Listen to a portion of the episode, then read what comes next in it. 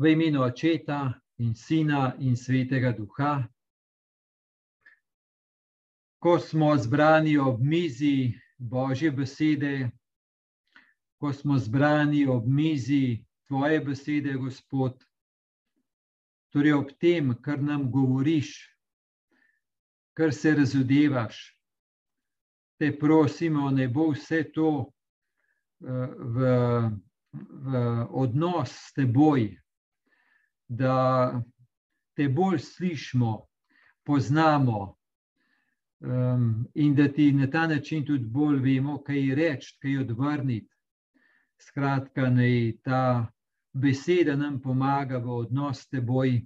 Se zavedamo, da je to v moči svetega duha, in zato te vsej ponižnosti prosimo za njim. Amen.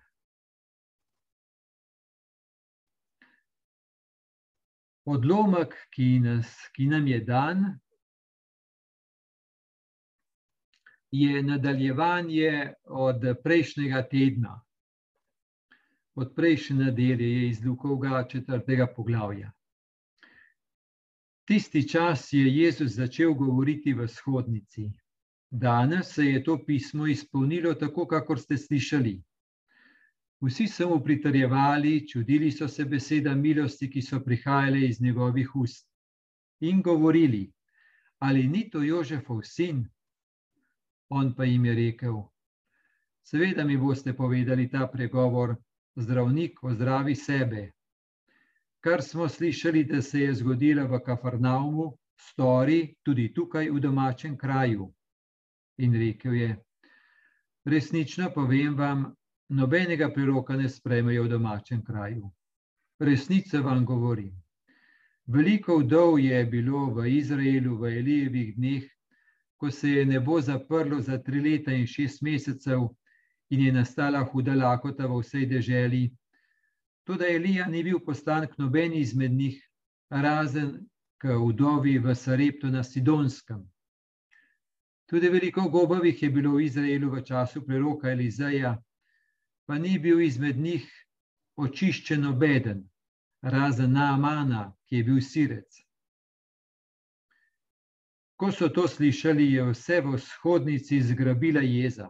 Ustali so ga vrgli ven iz mesta in odvedli na previs hriba, na katerem je bilo sezidano njihovo mesto, da bi ga pahnili v prepad. On pa je šel sredi med njimi in je hodil dalje.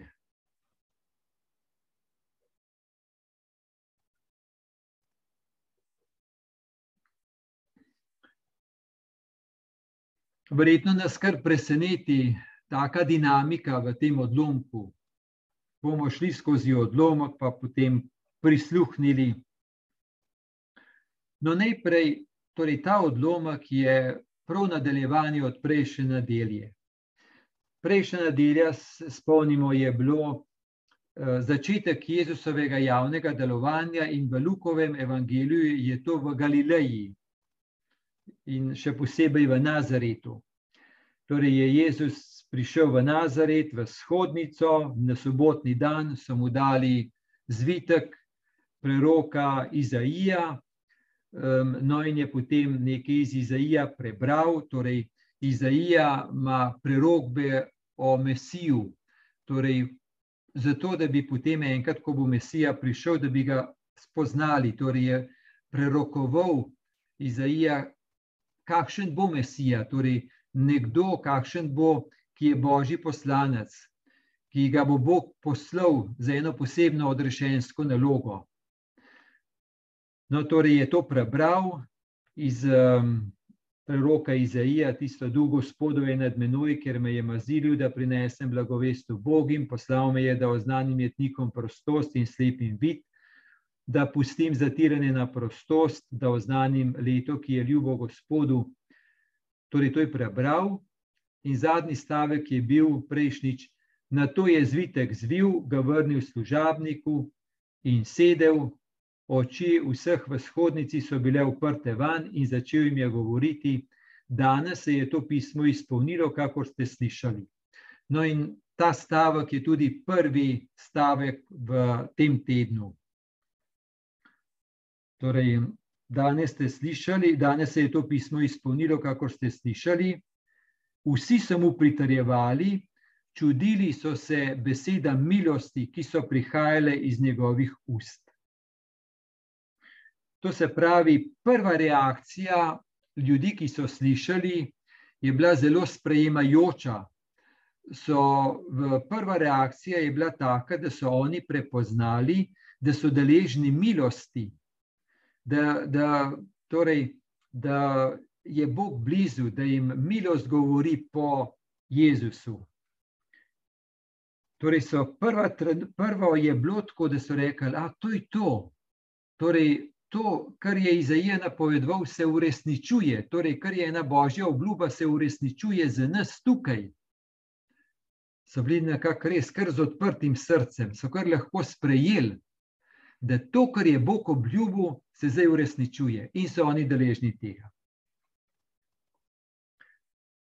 Torej, lahko rečemo, ena, ena reakcija čudenja, navdušenja, prepoznavanja milosti na delu.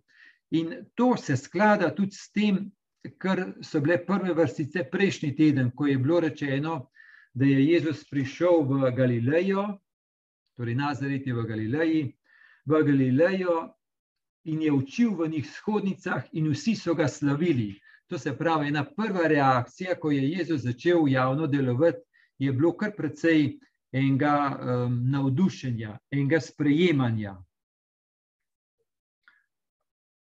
Bom pa potem videl, da se je stvar malo bolj zakomplicirala, da ni ravno tako šlo naprej, kot se je obetavno začelo.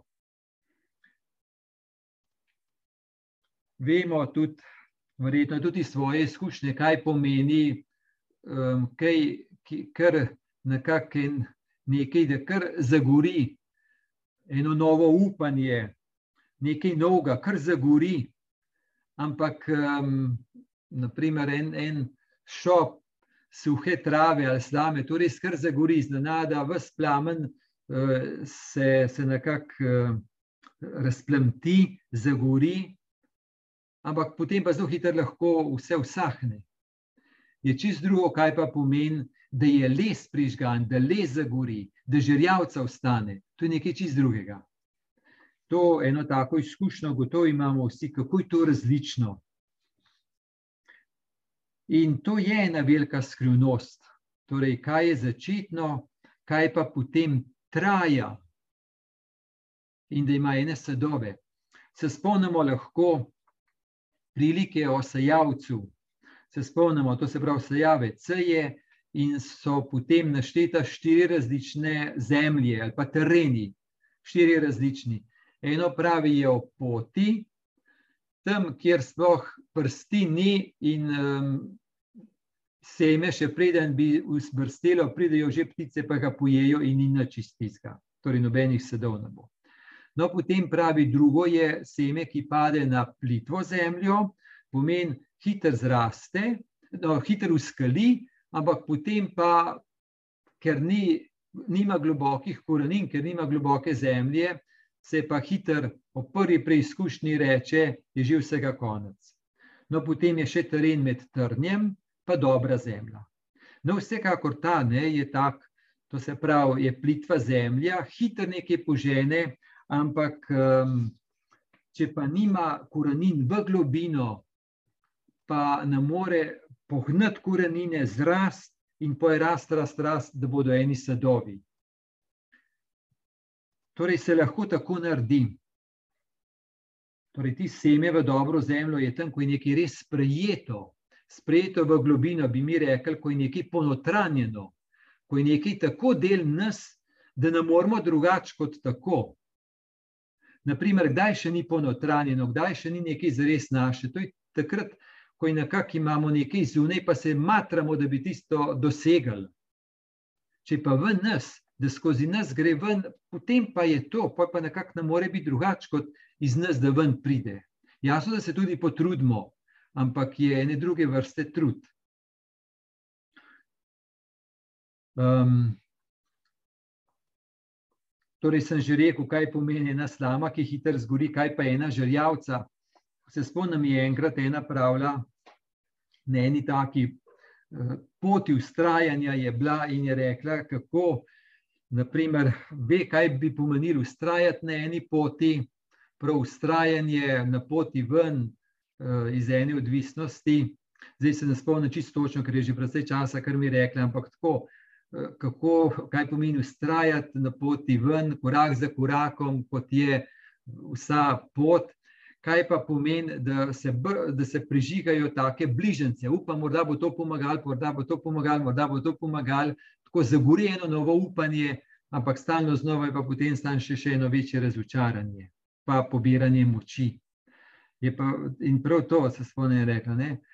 Če pa ustrajam eno mojo pot, pa se vračam, je pa vedno tam žrljavca, ki, ki pa je stalno znova me pogreje in uname, da grem lahko pot naprej, pa ustrajam na poti.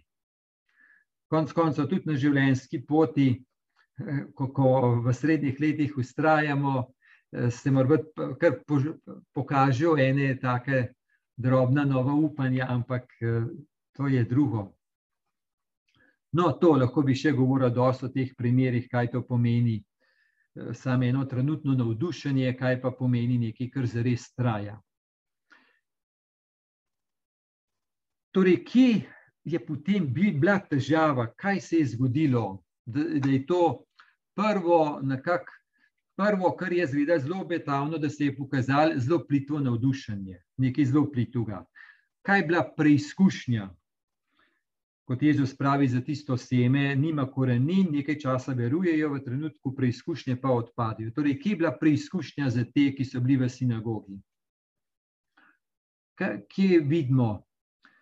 Ta beseda nam bo veliko povedala. Um, vsi so mu pritarjevali, čudili so se beseda milosti, ki so prihajale iz njegovih ust in govorili, ali ni ta Jožefov sin. Torej, kaj nam pa ta stavek razodeva? nam govori to. Torej, če so oni na začetku rekli, da torej to je prav res, da se božja obljuba izpolnjuje in da je ta, ki je pred nami, da je to Mesija. Torej, so lahko to. Ampak, ko so se pa zavedali, so rekli, čakaj, kako more biti ta Mesija, se ta je Jožefov sin. Vsi tega mi poznamo. Ali ni ta Jožefov sin? Kaj se pa zdaj ta gre, da je ta Mesija? To pa ne more iti skupaj. Mi bi lahko verjeli, da se je prerogba zdaj uresničila in da je Mesija k nam prišel. Ampak, če bi bil Mesija, to vendar pomeni, da bi moral nekaj drugega biti, nekaj malo bolj posebnega, nekaj malo bolj izrednega, malo bolj nenavadnega, bolj božjega, bolj nekako nadzemskega, nadčloveškega. Poj bi, pa, poj bi pa nam šlo skupaj, poj bi pa verjeli, da je to Mesija. Pa ne moramo zdaj kar sprejeti, da je ta Jožefov sin, da je Mesija. No, to pa ne moramo, to pa res ne moramo, to pa ne gre skupaj. Mi smo vendarle z njim gor rasli, mi smo vendarle z njim, um, nekako smo ga poznamo do vsega začetka. Pa ni bil nič dobro, malo poseben, ampak spet tako poseben. Pa spet ni bil, da bi ker on bil Mesija. To nekaj ne more iti, to ne more iti, to ne more iti. On je Jožefov sin, to mi vemo. In so rekli, pika, on je Jožef sin, pika, ne bomo za nič, on je to. Ne more biti kaj drugega.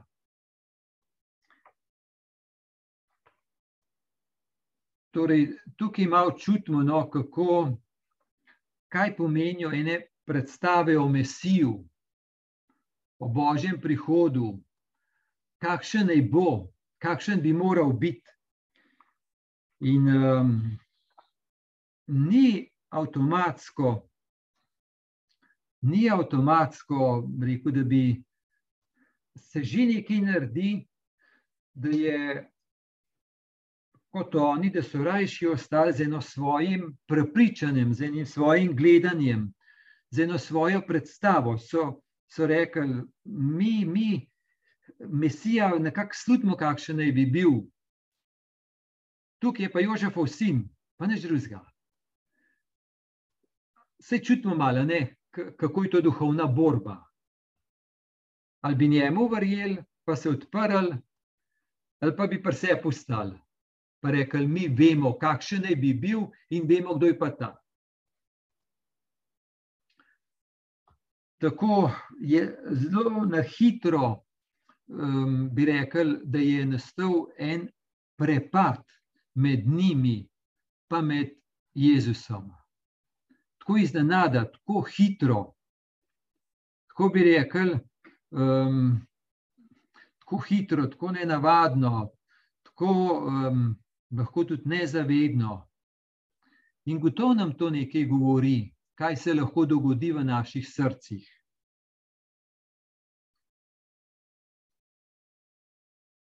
In ta beseda, ali ni to Jožefov sin, je dejansko lahko rečemo, da je to en dvom vseh časov, en dvom vržen na Jezusa, da je on Bog, da je on Božji sin, da je on učlovečeni Božji sin.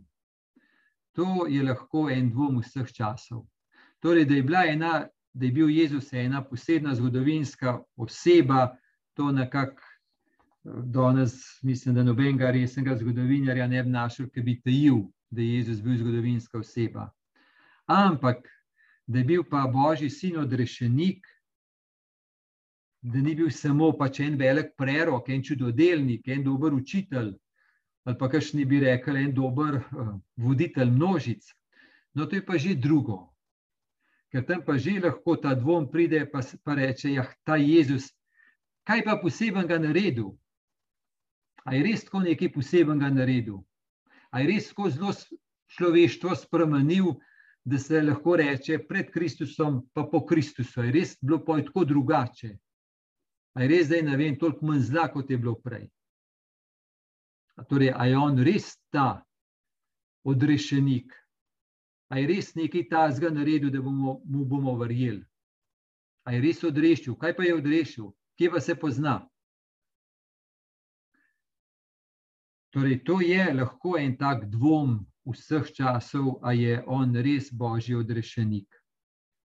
Konec koncev, tudi krščanstvo, 2000 let, a se toliko pozna v človeštvu, v človeški zgodovini, da bi rekli, no, zaradi tega pa verujemo.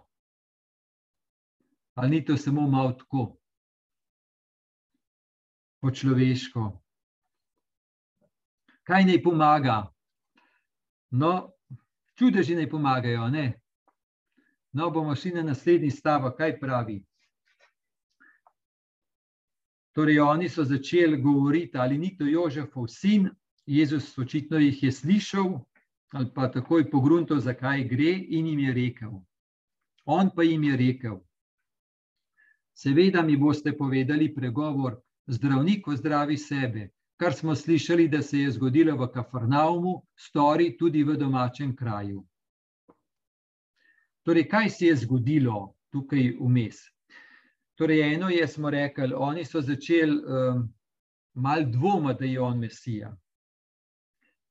In so nekako močno postavili to. Zdaj pa Jezus, je pa, Jezus jih je pa precej, jih je tukaj prehitel. Um, nekako niti jim ni, jih ni toliko čakal, da bi mu oni rekli, ampak jih je on prehitev, vreten s tem, kar so res imeli oni v srcu. So rekli, mi vemo, da si ti Jožefov sin. Zdaj pa, če hočeš, da ti bomo verjeli, da si res še nekaj drugega kot tisti, ki smo te vse čas poznali, pa pa kaj še čudeš nared. Pojdi bomo pa morda verjeli. Pojdi bomo pa verjeli. Ampak čudeš nared. Drugače pa ne bomo premaknili. Torej, v Kafarnaumu, če gledamo Luko Evangelij, vidimo, da pred našim odlomkom ni kakšnega čudeža v Kafarnaumu, je pa takoj za našim odlomkom, pa je čudež v Kafarnaumu. Da je šel Jezus na sobotni dan v sinagogo in da je tam um, izgnal hudega duha iz enega obsedenega in s tem razodel, da je on Mesija, odrešenik, torej da ima moč nad zlom, nad hudim duhom, da ga je pognal ven in osvobodil človeka. To se je zgodilo v Kafarnaumu. Zdaj pa tako, ne. Mm, oni bi mu res tako rekli, torej mi ti bomo verjeli, če boš naredil čudež, drugače pa ne bomo premaknili. Imaš šanso narediti čudež, poj pa bo. Zdaj pa, kakšna drža je to? A se to izide? Čudež narediti, pa ti bom verjel. To pa to naredi ljuba žena, pa ti bom pa verjel, da me imaš rada. Tak pa tak bo, pa pa ti bom verjel, da si tako. To je eno tako pogojevanje, ki, kjer je veliko egoizma, ne moralnega egoizma, ampak tistega egoizma, da jaz iz sebe štartam in mora se drug okloniti meni, mojemu gledanju. Je, če boš tako naredil, ti bom pa verjel. Če boš tako, pa pa tako. Se pravi, jaz iz sebe štartam in sebe drugega hočem nekako um, potegniti v svoje, ukalupati v svoje. Reč pa ne, ne. Kaj je drugi, ki je različen od mene in spoštovanja vreden je nekaj, da ga pa hočem noter potegniti, pa ni. No in tudi vemo, da ni tipično v evangelijih to, čudež in zato bodo ljudje verovali. Ni to. Je bolj tipično v evangelijih, da je vera in zato je čudež. Ker veruje, zato je čudež. Torej, ne čudež in zato bodo verovali.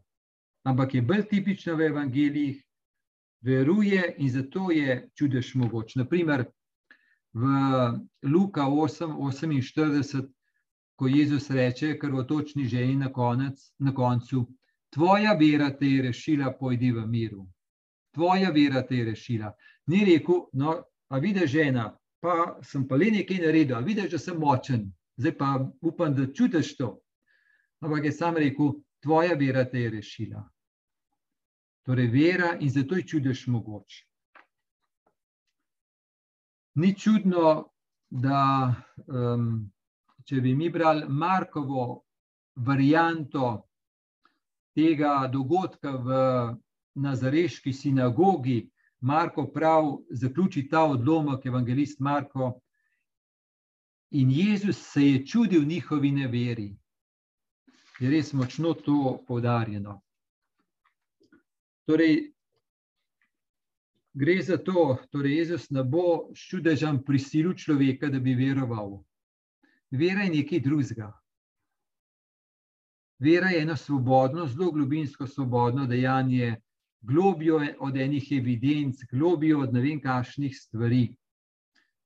To je še nekaj globljega. To je res ena drža srca, svobodna.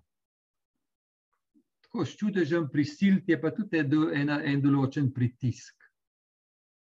Bi nam pasel, ne? Je že kdaj bi tako Jezus rekel, da je kaj malo bolj, ne tako.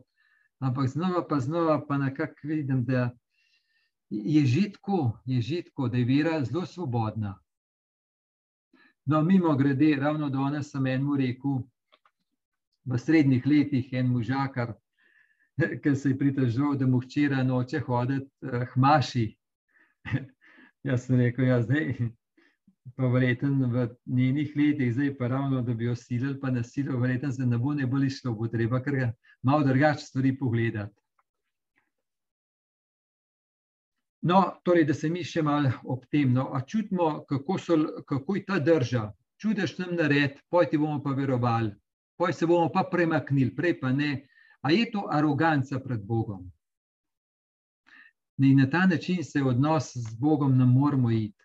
Ali gre skozi eno ponižnost pred Bogom, ki je velik, ali pa ne.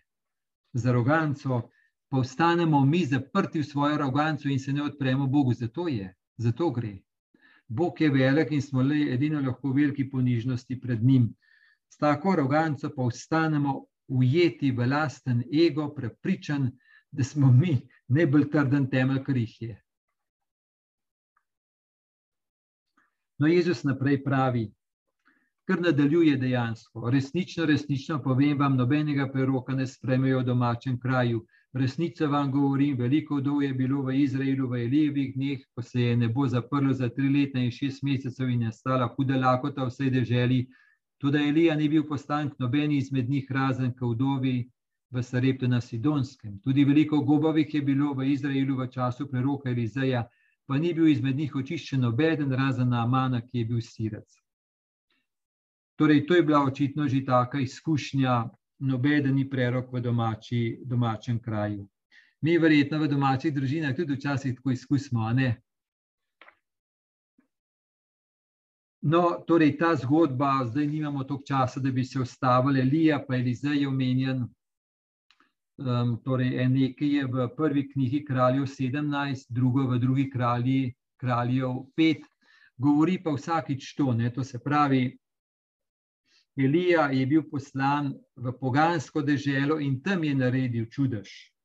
Tam je tisti čudež bil, da ga je ona hranila, pa ni zmanjkalo ne za njo, ne za njenega sina in ne za Elija. In na koncu je on še ozdravil, obudil ozdravil sina.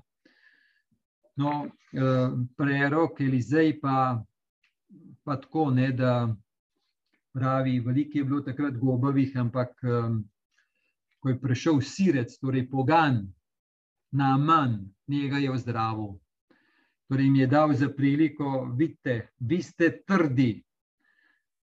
Mora biti prav en pogan, da lahko izkusi božjo moč. Tako jim je rekel.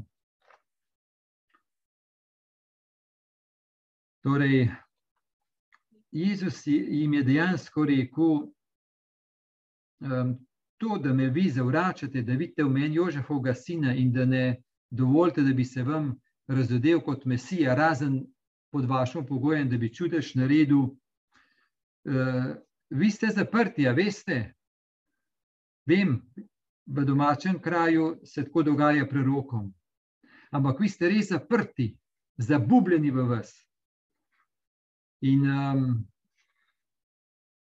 zdaj lahko si predstavljamo, da ko so slišali uh, oni te besede, da ravno mirni niso mogli ostati v tem.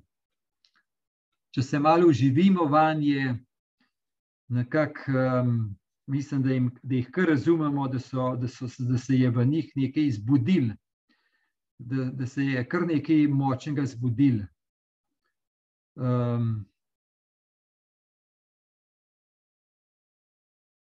da jih je Jezus, lahko rečemo, tudi bi rekel, sprovociral. Kako so oni odreagirali? Ko so to slišali, je vse v shodnici zgrabila jeza. Ustali so ga vrgli iz mesta in odvedli na previs hriba, na katerem je bilo sezidano njihovo mesto, da bi ga pahnili v prepad. Torej, da je bil en prepad med Jezusom in med njimi, smo že rekli. Ne? Torej, ki je bil Jezus kot božji človečeni sin, ki se je približal, postal človek, se v človeku je približal, in ravno zaradi tega, ker se je tako približal, so mu pa oni rekli, ne moramo verjeti, da si ti Mesija, si preveč poznan, preveč preprost. To, to ne, ne moramo sprejeti. Torej, kolikor bolj se je hotel Bog približati na preprost način, ne vseljiv način, spustiti se k človeku, toliko bolj človek lahko reče, preveč preprosto. Nekaj bolj nadzemskega, nadčloveškega, izrednega, je pa morda bi, nekaj bolj, nekaj več. To je pa premalo za nas ne bomo verovali, pa pa rajš pri sebi ustanemo, pri svojem prepričanju, pri svojem gledanju in tako naprej. Torej so zelo močno odreagirali. Nas lahko začudi vsem, da so tako močno odreagirali, torej, da so bili jezni, to mislim, da lahko sprejmemo, morda bi z nami isto se naredili, če je bilo tako v sinagogi in da bi nas Jezus tako sprovociral. Um, da so pa tako odreagirali, da so ostali, ga vrgli iz mesta in odveli na previs hriba, da bi ga pre, pahnili v prepad, torej da bi ga ubili, no to nas pa lahko preseneča. Kako je to možno? Kako je to možno? Kako je to možno, da se lahko kaj takega zgodi?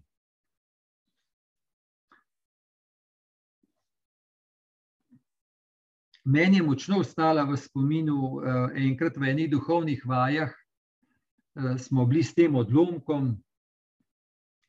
No, in, in se prav spomnim, um, tako, kako sem se v tej, s tem odlomkom, v tej molitvi, prav ujezel na Jezusa.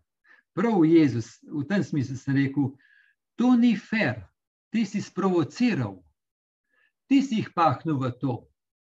Vse niso bili taki, niso bili tako nasramni, pač počasi so morali biti blizu, zakaj nisem imel več eh, potrpežljivosti z njimi. To ni fair, to ni fair.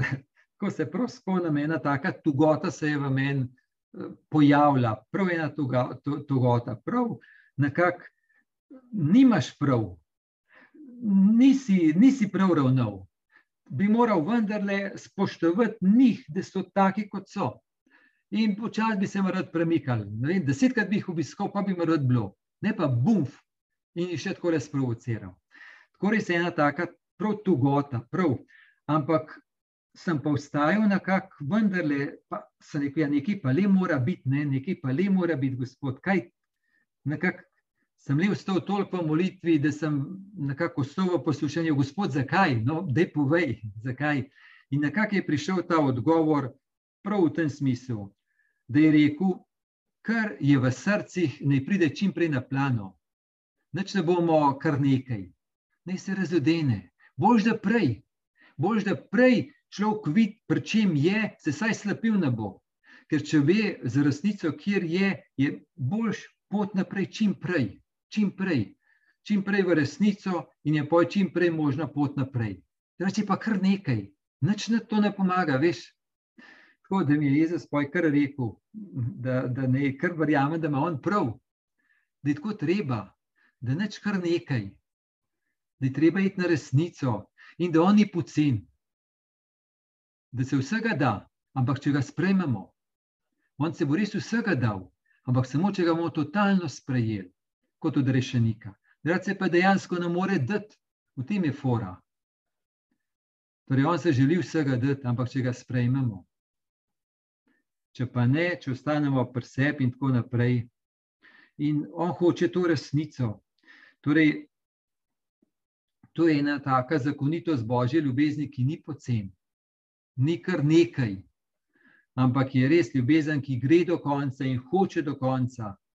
A me sprejmeš, ampak a me zares sprejmeš. A me daš na prvo mesto, a si ti na prvem mestu, pa tvoje predstave, pa tvoje potrebe, pa ne vem, kaj še vse ali pa mene daš na prvo mesto, pa se ti bom pa lahko povsem izročil. Torej, ljubezen, božja ljubezen, to ni isto kot nekaj pomehkuženega. To ni isto kot eno tako iskati razumevanje za vsako ceno. Iskati in hoteti ohranjati nekaj za vsako ceno. Ni to, ni to, ni to. Torej, lahko rečemo, ljubezen, božja ljubezen je tista ljubezen, ki ni kar nekaj, da bi kar nekaj, ampak je tista, ki je pripravljena iti do konca, tudi do močništva. In v tem odlomku vidimo, da reku, je že nakazano, kaj se bo zgodilo, da bo Jezus šel do konca pot, da se bo do konca izročil, ampak na način se bo pa to zgodilo, da ga bo človeštvo eliminiralo in ga bo eliminiralo prav po ljudih, prav po najbližjih. Torej, prav najbližjih ga bodo zavrgali. Torej, v tem odlomku je že eh, ta celota nakazana, kaj se bo zgodilo z Jezusom. Torej, res gre za, za, za to, za srce, ali je odprto ali ne. Um, kaj je dno srca? Ali je to Gospod, ali je to Bog, ali smo pa mi? Torej, dno srca, če si ga tako predstavljamo, ali ga mi držimo, pa se držimo v rokah, ali pa nekako se odpre, da lahko prepoznamo, da nas božje roke držijo in da je to en izvir, en Kristusov izvir, ki iz globine srca prihaja ven. Sam, da res ni tako enostavno. Tukaj so govorili. Kakšni duhovni pisatelji, stari o sklerokardiji, torej o trdoti srca da je srce trdo, trdo, torej, ki ima svoje prepričanja, svoje doživljanja, svoje gledanja, svoje predstave in ne gre ven iz tega. kaj pomeni imeti svoje predstave, svoje prepričanje. Naprimer, če mi pomislimo, um, kaj pomeni pogled na bližnjega, na drugo osebo, kaj pomeni priznati mu, da je drugačen in da sme biti drugačen, in dovoliti mu, da je drugačen, da ne bo pasel v naše scheme, v naša gledanja, v naša pričakovanja, da sme biti drugačen. Celo Bog dovoli, da greši celo Bogu dovoli, ne? mi bi pa kar hoteli drugega hitro ukloniti na naše poglede, na naše to, na naše to, po naši ne vem, kakšni podobi in smo pripričani, da imamo prav. Da tako kot mi vidimo, da bi morali biti on, to bi pa res bilo, samo da ta tega ne ve. Škoda, da ne ve, ne? ker če bi bil pa tako, kot jaz vem, da bi moral biti, no, pa bi pa bilo, pa bi pa še Bogu všeč. Smo taki malo, ne? prav smešni.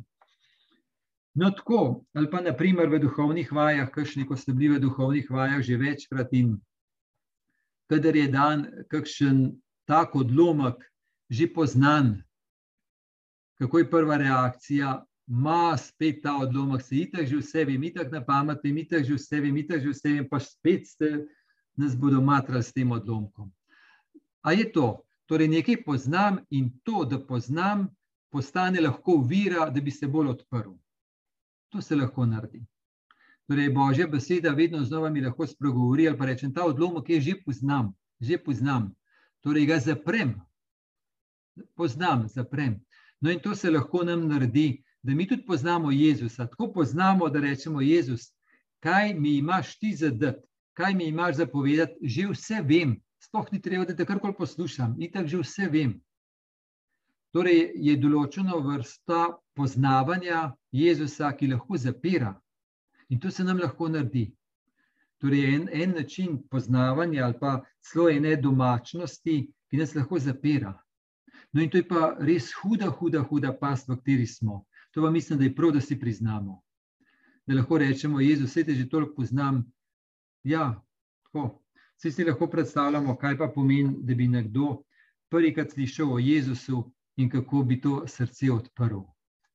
Tukaj noter pa smo, tako da je treba veliko ponižnosti, pa veliko prošnje, da, ja, da ne bi mi zaprli Jezusu in um, nekako zavrgli Jezusa, zato da rešimo svojo idejo o njem, da rajš pri sebi ustanemo. No, zdaj pa brž še zadnji stavek. On pa je šel sredi med njimi in hodil dalje. Torej, on je rekel, ja, v redu, če me vi ne sprejmete, jaz grem naprej. Nekje bo že kraj, da me bo kdo sprejel, da bom lahko kaj dal, na koncu pa itak sem pripravljen, da bom šel v mučeništvo, da bom vse dal, um, povsem se bom izročil, gotovo pa bi rad, da to, kar se vsem izročim, da bi nekdo me sprejel v tem, ker zato sem prišel. No, tako da veliko prosimo, da ne bi ostali ujetniki svojih predstav, o Jezusu, torej, da ne bi mi ostali glavni, ampak da bi znova pa znova se odprli. No, in, in nas v tem, v tem odpiranju in prošnji spremlja Božji blagoslov, blagoslov Boga Očeta in Sina in Svetega Duha. No, z Bogom.